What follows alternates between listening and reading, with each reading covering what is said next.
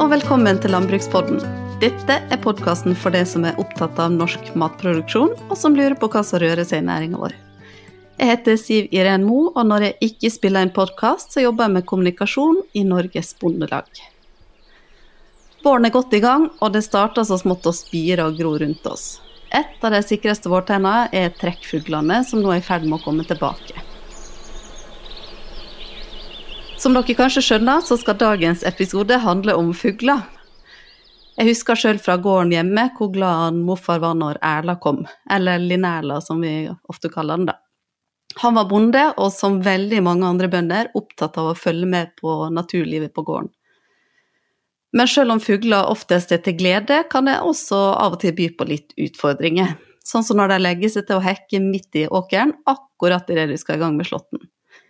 Da trenger vi gode løsninger som fungerer godt både for bonde og for fugl. Det skal du få høre mer om i dagens episode. I dag har jeg fått med meg Martin Eggen, som er naturvernrådgiver i Norsk ornitologisk forening, og seniorrådgiver i Norges Bondelag, Finn Erlend Ødegård. De har begge veldig god kunnskap på området, og arbeider akkurat nå med å lage en veileder for bakkehekkende fugler i jordbrukslandskapet. Velkommen! Takk for det. Takk for det. Martin, kanskje vi kan begynne med det først. Kan ikke du fortelle litt om hvordan ditt engasjement for fugler starta, og også gjerne litt om ditt forhold til jordbruk?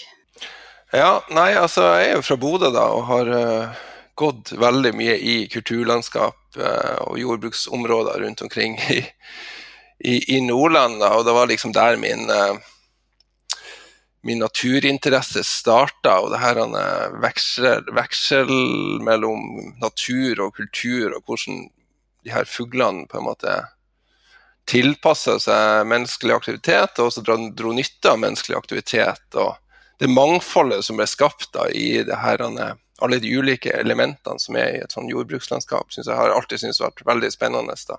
Du har liksom beitemark, du har kanskje en liten eh, Du har liksom åker og eng, og du har kanskje en, eh, litt kantsoner og, og eh, litt fuktareal og, og, en liten dam og sånn. og det, det gir et utrolig stort mangfold i, i både fugleliv og annen natur.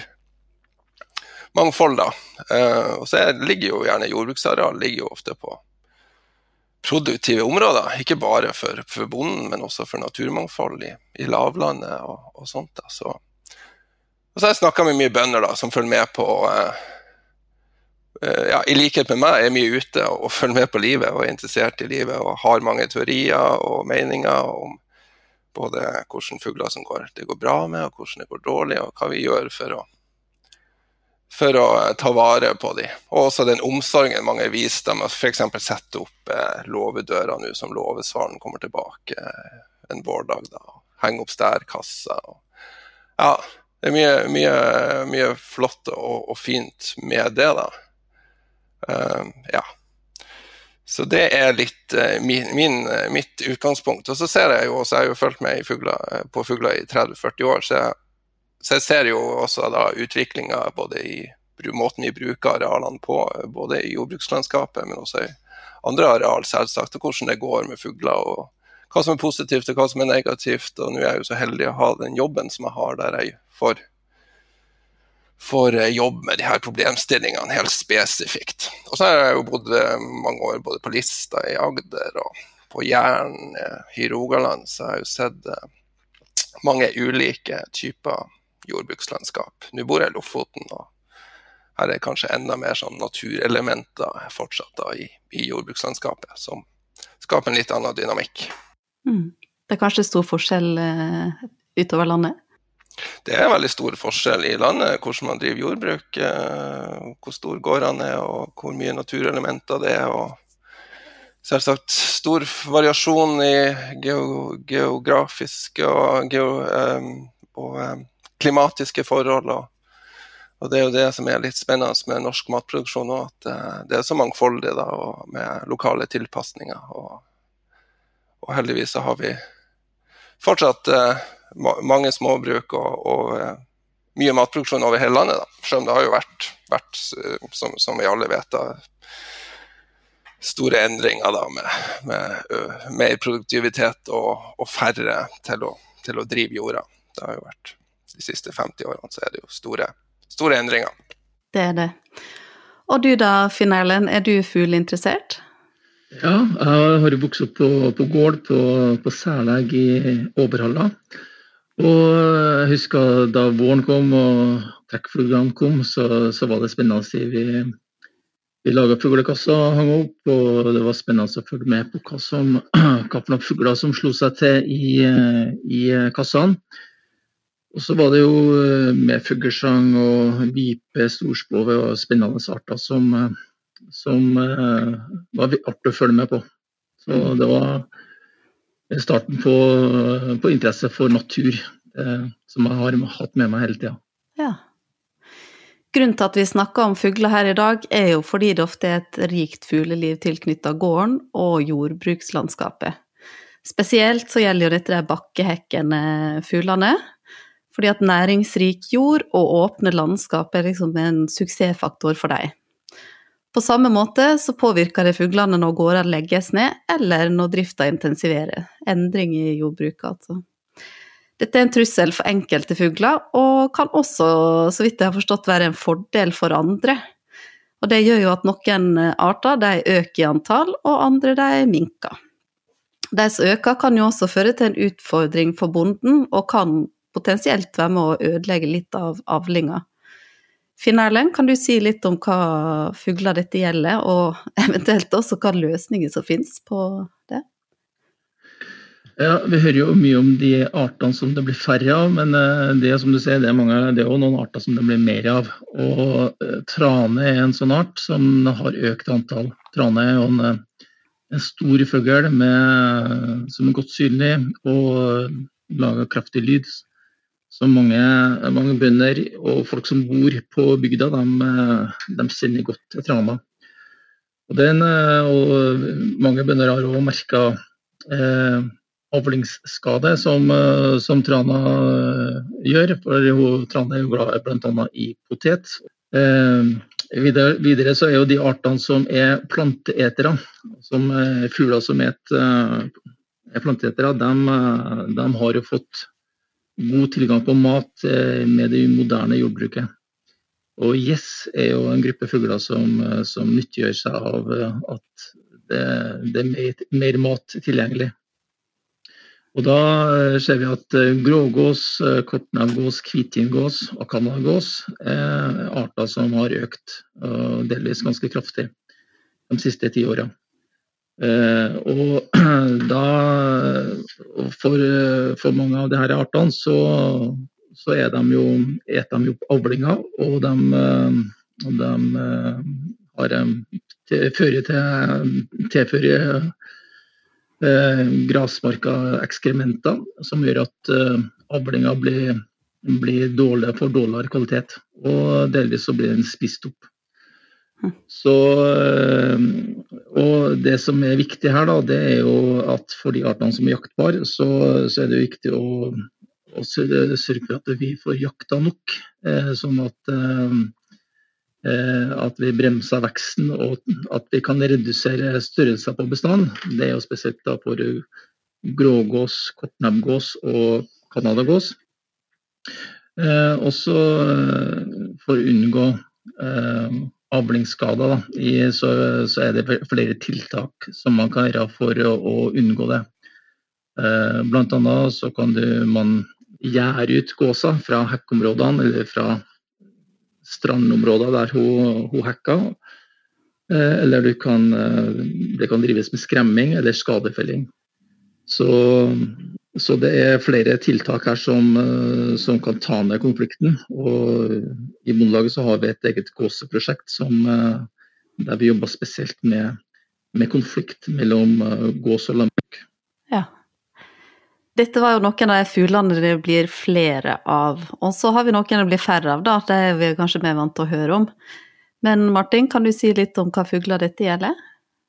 Ja, nei, De artene det blir færre av, det er jo for så vidt uh noe som vi også ser i naboland og i store deler av Europa, at jordbrukslandskapet mister store deler av fuglebestandene. Sånn I Europa så er det jo snakk om flere millioner av fugler som er borte i de her landskapene, da, rett og slett for at de Jo, all hovedsak da er jo at de områdene drives for intensivt, og det er for lite naturelementer der, da.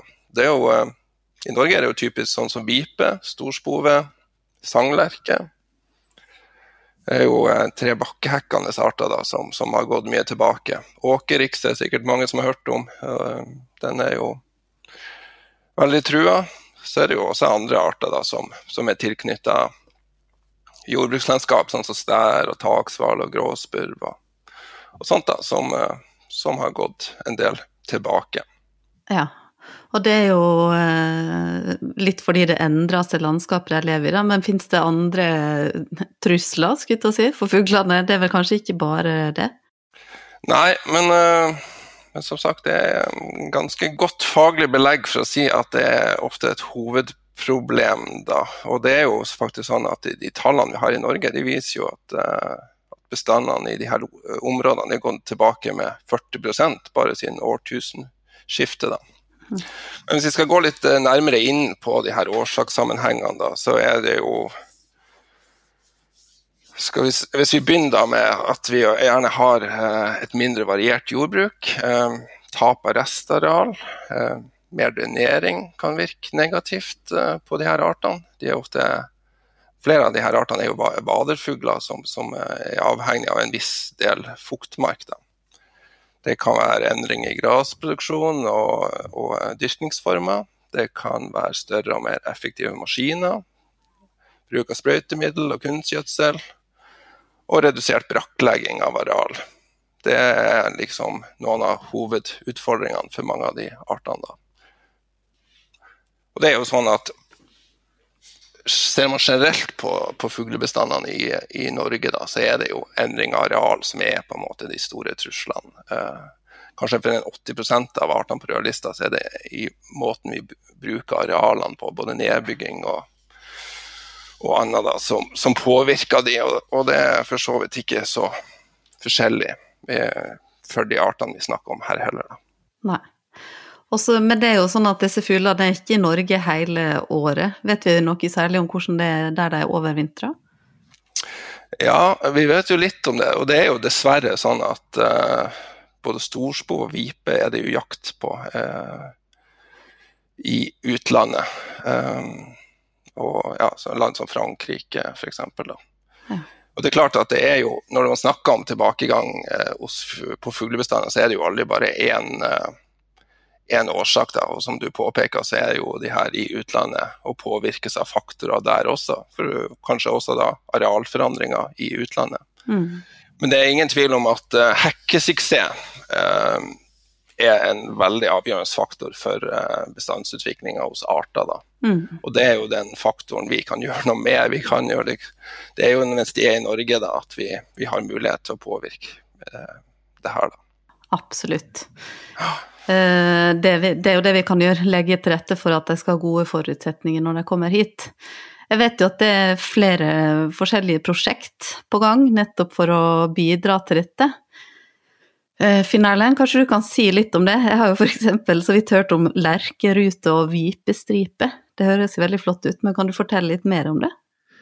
Ja, det er jo eh, ting som er prøvd ut i, i andre land. Annet har de i Storbritannia drevet med vipestriper. Og i Rogaland eh, så starta man med et forsøk på det i, i 2020. Og det går ut på at uh, når du under såing og jordarbeiding, så, så, så setter man av et, et, areal på kanskje mellom 2 til 20 dekar. Der man ikke sår, du bare pløyer og, og horver. Og så lar du det stå brakt. Eh, og så har du eh, arealene da, som eh, Vipa kan, kan søke tilflukt til når, når, arealene slås senere i løpet av vekstsesongen. Og, og det kan øke overlevelser for, for fuglene, har man sett i, i Storbritannia spesielt. Så Det prøves ut i Rogaland, og jeg vet at det er flere andre fylker som kikker på muligheten for også å eh, få til det. Og lerkeruter, det er litt det samme. Den, den lerka den hekka jo òg. Den liker jo eh, helst å være hekk midt ut på et, eh, et åpent jorde. og at du da har sånne små ruter der, som du ikke sår, som, som er bare jordarbeid. Og, så, og de rutene kan være på ca. 20 kvadratmeter. Eh, og som kan være sånn spredt utover. Og Der eh, ser man at, eh, at lerka eh, bruker aktivt i forhold til å få tak i mat. Men også i, i forhold til å, å komme seg unna når det er slått. Så, så det her prøves ut. Men eh, foreløpig har vi ikke noen egen tilskuddsordning for lerkeruter. Eh, men det er mulig også å gjøre det. Bønder kan jo gjøre det sånn på, av egen interesse. Så, eh, men eh, det er jo eh, Så her er jo noe som man har sett gir, gir resultater for, for disse artene i, i Tyskland og andre land i Europa.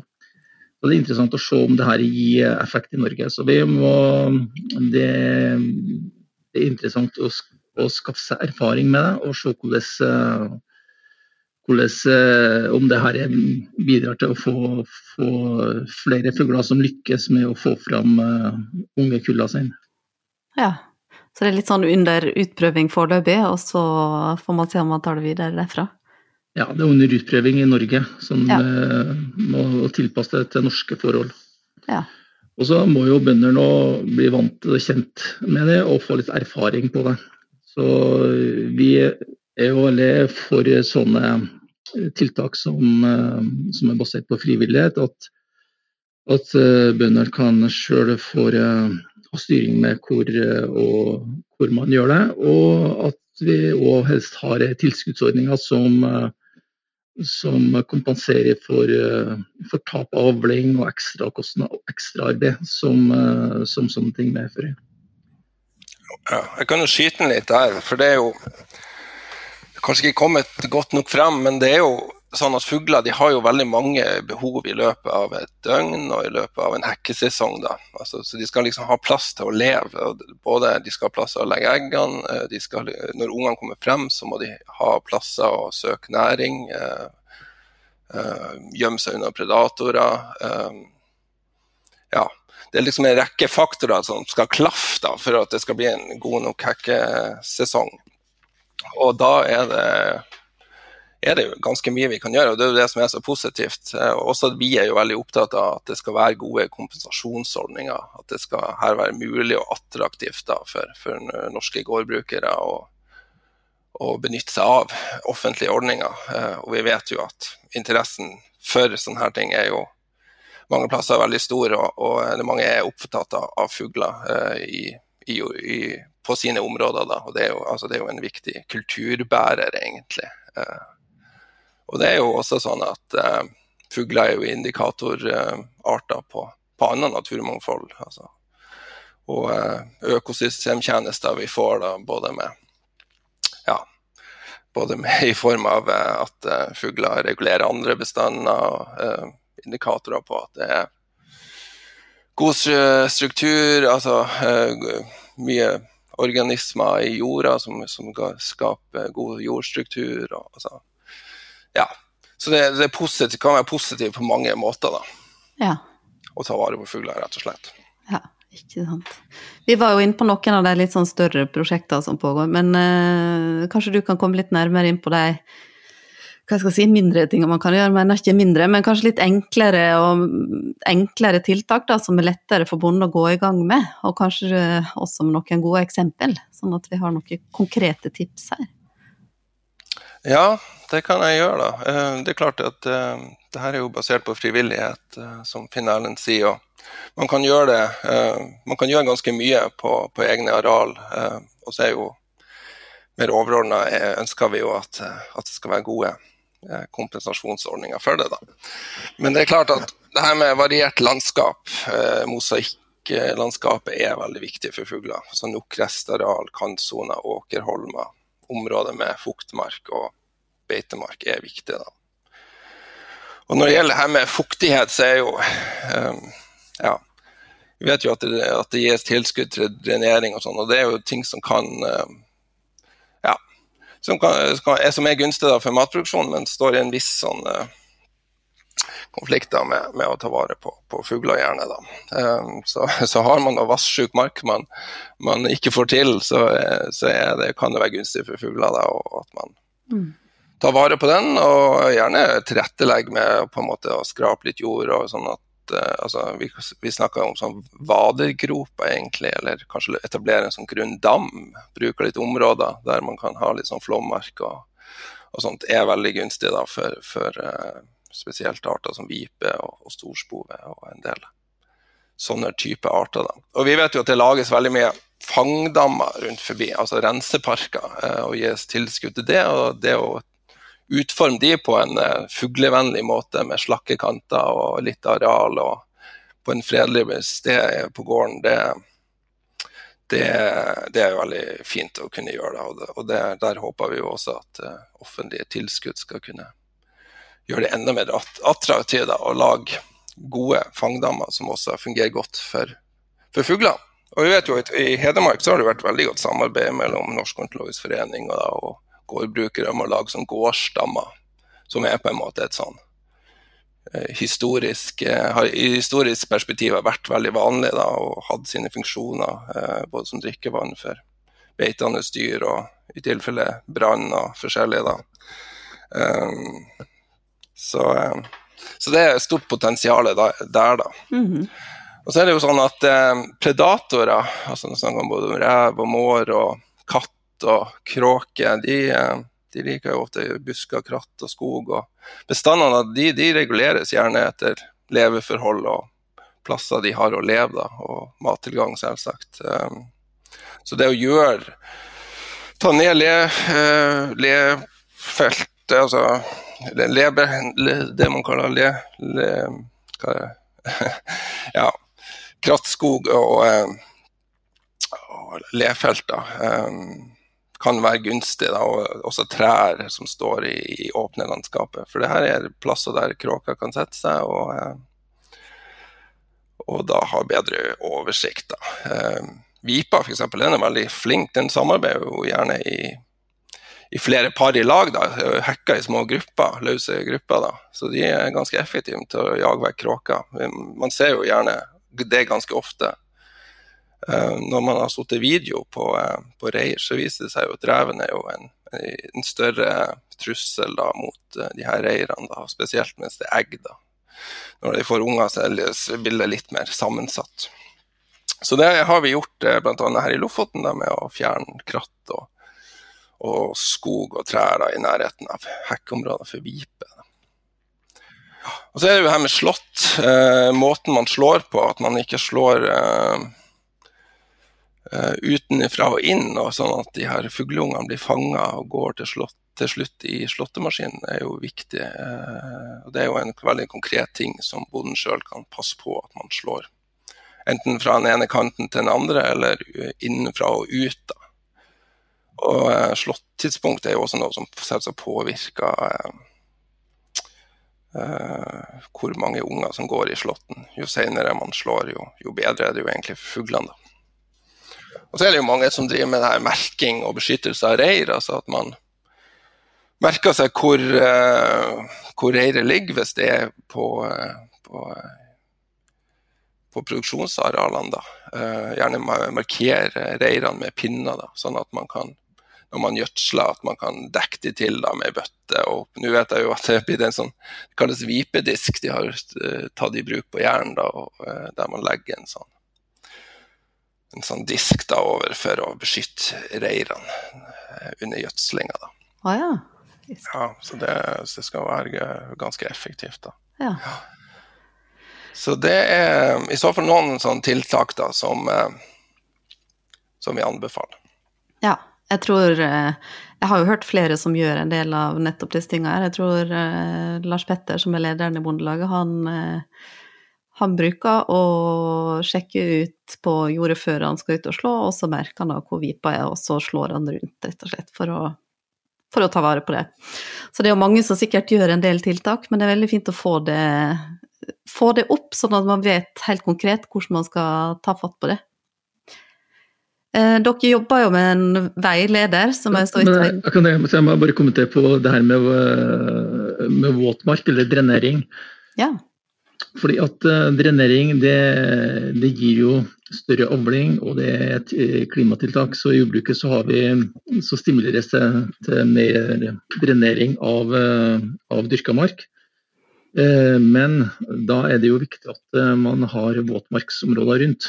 Sånn at det er insektproduksjon for, for de her badefuglene. Så, så det går an å gjøre det på, på den måten òg, i stedet for at man har dyrka areal som, ikke, som, er dårlig drenert. For det, det gir dårlig, dårlig, avling. Men det er helt klart at tilgang på, på fuktige områder, fuktmark og dammer, hytter med, med vann, det, det, er viktig for, for mattilgangen og hekkesuksessen for, for de her artene. Ja. Så det fins gode måter man kan løse det på, med andre ord? Ja.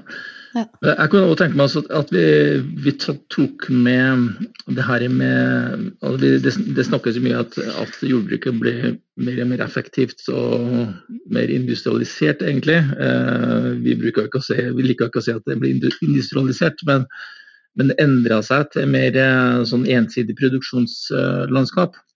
Og det, det arealene det, som er historisk da, mest uh, veldig artsrik, og som er, også er, er, har uh, veldig mange uh, bakkehekkende fugler som, som hekker i, det er jo kystlynghei og naturbeite og slåttemark. og der er, det her er kanskje de mest artsrike naturtypene i, i jordbrukslandskapet. Og det her er arealer som ikke, ikke gjødsles, de sprøytes ikke, de, det drives ikke jordarbeiding der. Og de arealene skal ikke sås. Eh, og, og det er, det er støtteordninger over regionalt miljøprogram som, som, bønder kan søke på for oss å skjøtte de her eh, arealene. Så, så det er jo en viktig suksessfaktor da, for å uh, ta vare på det, et uh, bredt biologisk mangfold, men også for, for bakkehekkende fugler i, i jordbrukslandskapet. Absolutt. Hvor, finnes det et sted man kan gå inn for å finne mer informasjon om akkurat det? Det er jo Fylkesmannen har jo over, eller Statsforvalteren har oversikt over hvor hen de her arealene er. og Det er et samarbeid med, med Miljødirektoratet om om forvaltning av dem. Eh, sånn at eh, her kan man gå inn og, på, og søke på gjennom regionalt miljøprogram. Gjennom Altinn så kan man søke om tilskudd til å ta vare på de artene her. Ja. De, ta vare på de naturtypene her. Mm. Nei, det her er jo bare helt supert at det finnes sånne ordninger. Og så må vi jo bare erkjenne at eh, effektiv eh, og god matproduksjon er kommet for å bli. Heldigvis, vil vel kanskje de fleste si. Og derfor er vi opptatt av å finne løsninger som eh, fungerer både for naturmangfold og matproduksjon. Ja. Og som Finn Erlend sier, så, så, er det nok effektiv drenering i mange områder og sånn, men vi, så det med å lage fuktmark på egne områder og og forbedre det her med fangdammer og sånn, er jo kompenserende tiltak da, som, på, som på en måte eh, virker i andre retninger da, for, mm. for de her fuglene. Og det er jo for å finne en, eh, en god løsning for, eh, for, både bonden og for fuglen, egentlig, at dere holder på med denne veilederen nå. Hva er den videre planen for den? Ja, vi, vi, har fått et utkast fra NOF, så vi, vi skal jobbe med å få laga det. Og jordbrukslandskapet det er jo det mest, de mest frodige områdene i hele Norge. Det, det er kun 3% av Norges areal det er jordbruksareal, men eh, det er den, den, mest frodige delen av Norge som er jordbrukslandskap. Dette er veldig artsrike områder, og, og vi har eh, det er mange arter som, som har leveområdene her. Og, og, da har eh, vi i eh, landbruket et ansvar for å ta tilrettelegge for at vi kan ta vare på de artene. Og bakkehekken fugler er en, en, viktig gruppe av, av artsmangfoldet. Så, så vi, vi, planlegger å, å, komme ut med en felles veileder med anbefalinger om ting tiltak som, som bøndene sjøl kan iverksette. Og noen ting er jo sånne ting som kanskje sånne ting som ikke kosta så mye, verken av tid eller, eller investeringer. Og, mens andre ting er kanskje et større ting, og, og der er det da å søke midler over det regionale miljøprogrammet som, som hvert enkelt fylke har, med søknadsfrist 15.10. Eller kommunene sine SMIL-ordninger, altså spesielle miljøtiltak i, i landbruket. Ja. Jeg ser at tida flyr her, så vi må faktisk runde av snart. Men Martin, jeg tenkte sånn helt på tampen, vil du prøve deg på en liten oppsummering med de viktigste tingene bonden kan gjøre for å legge til rette for fuglene? Ja, jeg kan prøve, da. Det er jo et enormt stort tema, eh, så det å få de noen få punkter, det er kanskje ikke Men eh, ja. Nei, altså det her med å, å skape et litt variert landskap, og har man mulighet til å ha kyr på beite og uh, sette igjen litt restareal, kantsoner og sånn, og uh, lage uh, rense dammen eh, fuglevennlig og sånn, det, det, er viktig. Da. Og, og, også myr og restareal i, i jordbrukslandskapet er jo veldig store suksessfaktor for naturmangfold. Det er nå på en måte punkt én, da. Vi kommer liksom ikke utenom om det, selv om det kan ikke alltid så enkelt å, å ta vare på alt, da. Og så er det viktig det her med å ta vekk fjern fjerne busker, kratt og skog. og så har man en uh, sitteplass for kråker, som du bruker ofte, så kan det være greit å fjerne den. Har du uh, levested der du på en måte tror at reven holder til, på å si, uh, så, så kan, kan, det være gunstig å, å, å gjøre no, noe med det. For det er jo sånn at de fleste artene de regulerer bestandene sine ut ifra leveområder og mattilgang. Da. Så det det, har, det, ganske, det, kan være en effektiv måte da, å, å, redusere predatorer, som selvsagt er en påvirkningsfaktor på de her artene. Det også, da. Så er det jo det her med å være oppmerksom på når man er ute. Da, og har du mulighet til å, til å merke reirene dine som, som er på, på, på produksjonsarealet, så, så er det så er det lurt å merke dem, sånn at du unngår å, å gjødsle dem. Og, og, det er jo sånn at Vi har jo mange tillitsvalgte rundt omkring i hele landet som også har starta sine Viper-prosjekt og Storspove-prosjekt som samarbeider med, med, med, gårdbrukere over hele landet da, med, med, akkurat de tingene her. da. Um, det her med slott og slott, tidspunkt for slott er viktig, som allerede nevnt. da. Um, ikke ta og eh, slå på en sånn måte at du på en måte sikrer den sikre død for, for de her fugleungene. Hvis, hvis, man gir dem litt muligheter til å komme seg vekk uh, når man slår, så er det veldig bra, da. Ja.